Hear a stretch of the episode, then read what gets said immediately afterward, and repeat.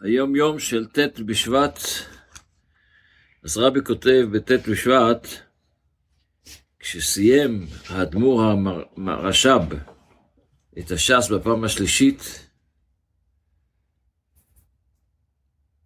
אז בנוסף לסיום המסכת, שעושים סיום מסכת, אז הוא אמר גם כן מאמר חסידות.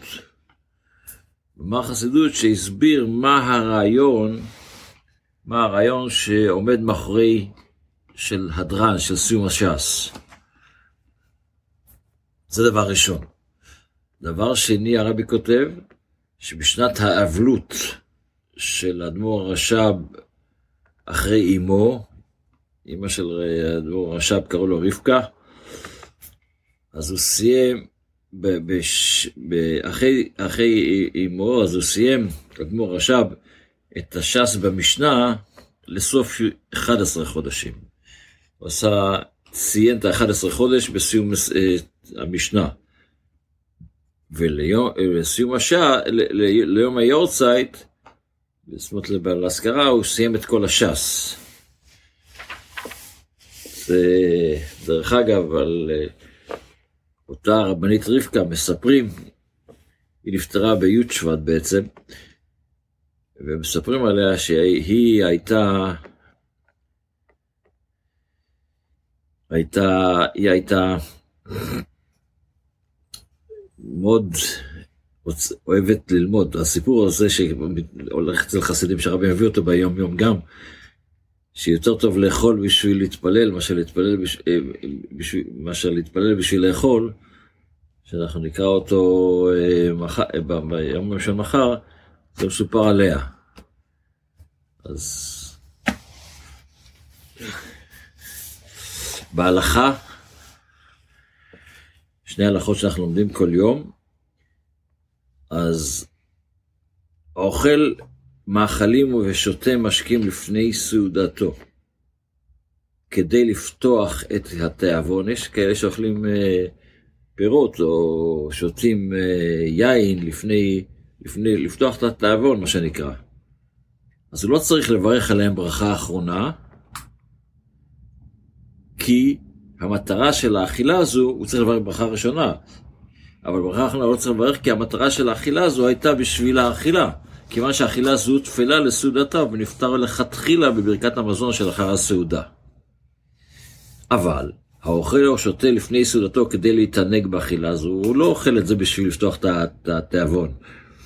יש אנשים בשבת למשל רוצים להוסיף ברכות, ואוכלים אה, כל מיני, אה, יש, מי, יש כאלה נוהגים, לא בחב"ד זה לא ככה, אבל יש כאלה שנוהגים שלפני הקידוש, אחרי הקידוש, לפני הנטילת ידיים, אוכלים כל מיני ברכות, כדי להוסיף ברכות בשבת, שיהיה לנו 100 ברכות.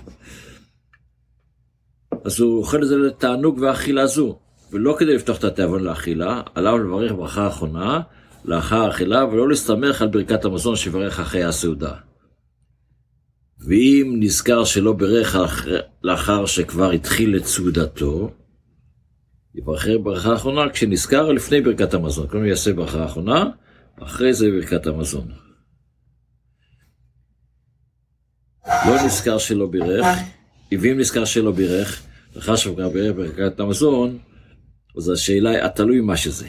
אם אכל מיני מזונות, כמו תמר, אה, מיני מזונות, זאת אומרת עוגות או משהו כזה, או תמרים, או שתה יין, אינו צריך לברך ברכה האחרונה, ויצא ידי חובתו בדיעבד בברכת המזון שברכה סעודתו. למה? כיוון שמאכלים אלו סועדים מזינים, אז זה חלק, הופך להיות חלק מהסעודה. אבל אם לא, אז יש דברים שצריך כן לברך. בתפילה, אנחנו בי"ג מידות הרחמים, אה, סליחה, בי"ג מידות שהתורה נדרשת בהם, שהם חופפים לי"ג מידות הרחמים שלמדנו. אז המידה ה-13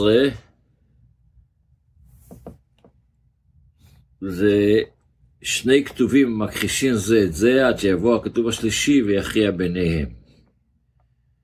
מה זה שני כתובים מכחישים זה את זה?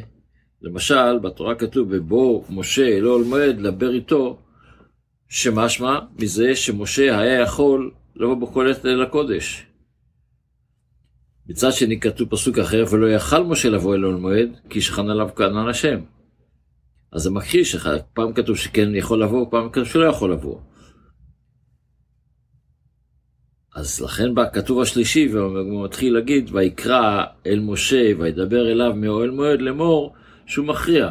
משה רבנו לא יכל לבוא, הקדוש ברוך הוא קרא לו, אז הוא יכל לבוא, ולכן אז זה לא, זה לא סותר, כי היה פה שלושה משלימים אחד את השני.